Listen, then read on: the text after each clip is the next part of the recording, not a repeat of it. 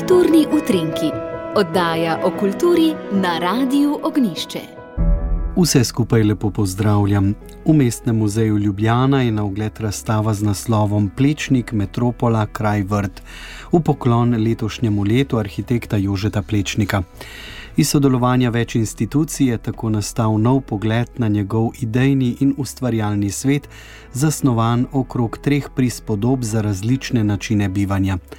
Razstavo so začeli snovati že pred dobrimi tremi leti željo, da bi dali priložnost mlajšim avtorjem in kustosom. O plečniku je bilo postavljenih že veliko razstav, stokratno pa so želeli v mestnem muzeju Ljubljana pokazati, kako je deloval in razmišljal, ter kako ga vidimo in interpretiramo danes. Razstava je nastala v sodelovanju s Fakulteto za arhitekturo Univerze v Ljubljani ter Muzeja za arhitekturo in oblikovanje. Osrednja ambientalna razstava je organizirana okoli treh prispodob, se pravi Metropola, Kraj in Vrt, kot je pojasnila avtorica Nika Grabar. Današnji svet zahteva še drugačne interpretacije arhitekture, zato je bil namen, da jo razmislijo v odnosu do družbenih procesov, ki so metaforično predstavljeni v teh prispodobah. Ko razmišljamo o arhitekturi, po njenih besedah razmišljamo o tem, kakšni prihodnosti pripada. Razstavo je oblikovala Maruša Zorec, ki je sledila trem temam iz naslova: postavitev se tako začne s prostorom, kjer je plečnik odraščal, vodi preko njegovega šolanja na Dunaju pri arhitektu Otu Wagnerju in najpomembnejših projektov, ki jih je zasnoval v avstrijski prestolnici, kot je Cerkev svetega duha, pa do Prage in obširne predstavitve njegovih zamisli v Ljubljani. V sredini je postavljena tudi študijska soba z nekaterimi knjigami iz njegove obsežne knjižnice. Avtorica dodatnega razstavnega dela Plečnik in sodobnost, pojmovnik pa je Maja Vardjan. Ta temelji na razmisleku o pomenu plečnikovega ustvarjanja za sedanjost, gre pa za nekakšen hibrid med publikacijo in razstavo.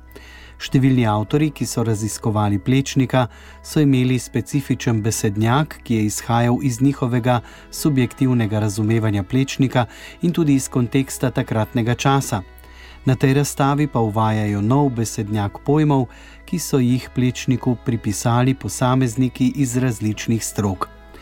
Ob tem so v sodelovanju z Narodno in univerzitetno knjižnico, pa s Plečnikovo hišo, Slovenskim etnografskim muzejem in turizmom Ljubljana pripravili abonentsko kartico Plečnik 150 za neomejen vstop v ustanove, ki hranijo Plečnikovo dediščino, katere del je bil lani upisan na UNESCO seznam svetovne dediščine. Navdušencem nad arhitektom Jožetom Plečnikom, zgodovino in dediščino je tako s 1. julijem ponujen neomejen vstop v izbrane ljubljanske muzeje in galerije, kar je seveda dobra ideja za poletne mesece. In še to, razstava v Mestnem muzeju Ljubljana bo na ogled do 12. februarja prihodnje leto.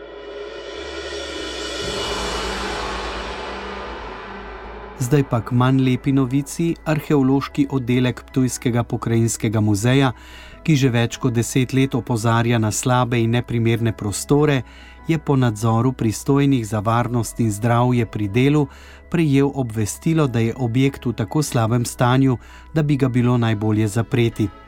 Zaposleni so ogorčeni in menijo, da Ptujska občina in kulturno ministrstvo njihovih opozoril že več let ne jemljeta resno. V zadnjem času so sicer slišali veliko obljub o ureditvi razmer, med katerimi je bila tudi postavitev arheološkega depoja, a so obljube žal ostale le na papirju. Streha pušča, stene so ponekod že povsem brez ometa, povsod sta plesen in ulaga. Aleksandar Lorenčič, direktor pokrajinskega muzeja Ptuj Ormož, pravi, da so prejeli tudi oceno stanja objekta. Predlagajo jim, da se preselijo v začasne prostore, ki pa jih nimajo, zato si bodo morali pomagati z začasnimi ukrepi. Določene prostore v tem objektu morajo zapreti, biti morajo nedostopni, v prostorih, kjer je izrazita plesen, priporočajo maske, izklop elektrike in podobno, O ugotovitvah so obvestili ministrstvo in Ptujsko občino, od tam pa so odgovorili, da so s položajem arheološkega oddelka sicer seznanjeni in da skupaj z muzejem iščejo rešitve, a v prvi vrsti je treba zdaj poskrbeti za varnost zaposlenih. Ne na zadnje, z naše strani to pomeni, da bomo na koncu tudi sami morali zapreti ta objekt, ki ni več dovolj varen za delovanje, je še povedal direktor Lorenčič. Želijo si, da končno pridejo do primernih prostorov in dolgo pričakovanega arheološkega razstavišča, saj so njihovi prvovrstni spomeniki že 11 let shranjeni v lesenih zabojnikih v z vlago prepojenih kletnih prostorih arheološkega oddelka.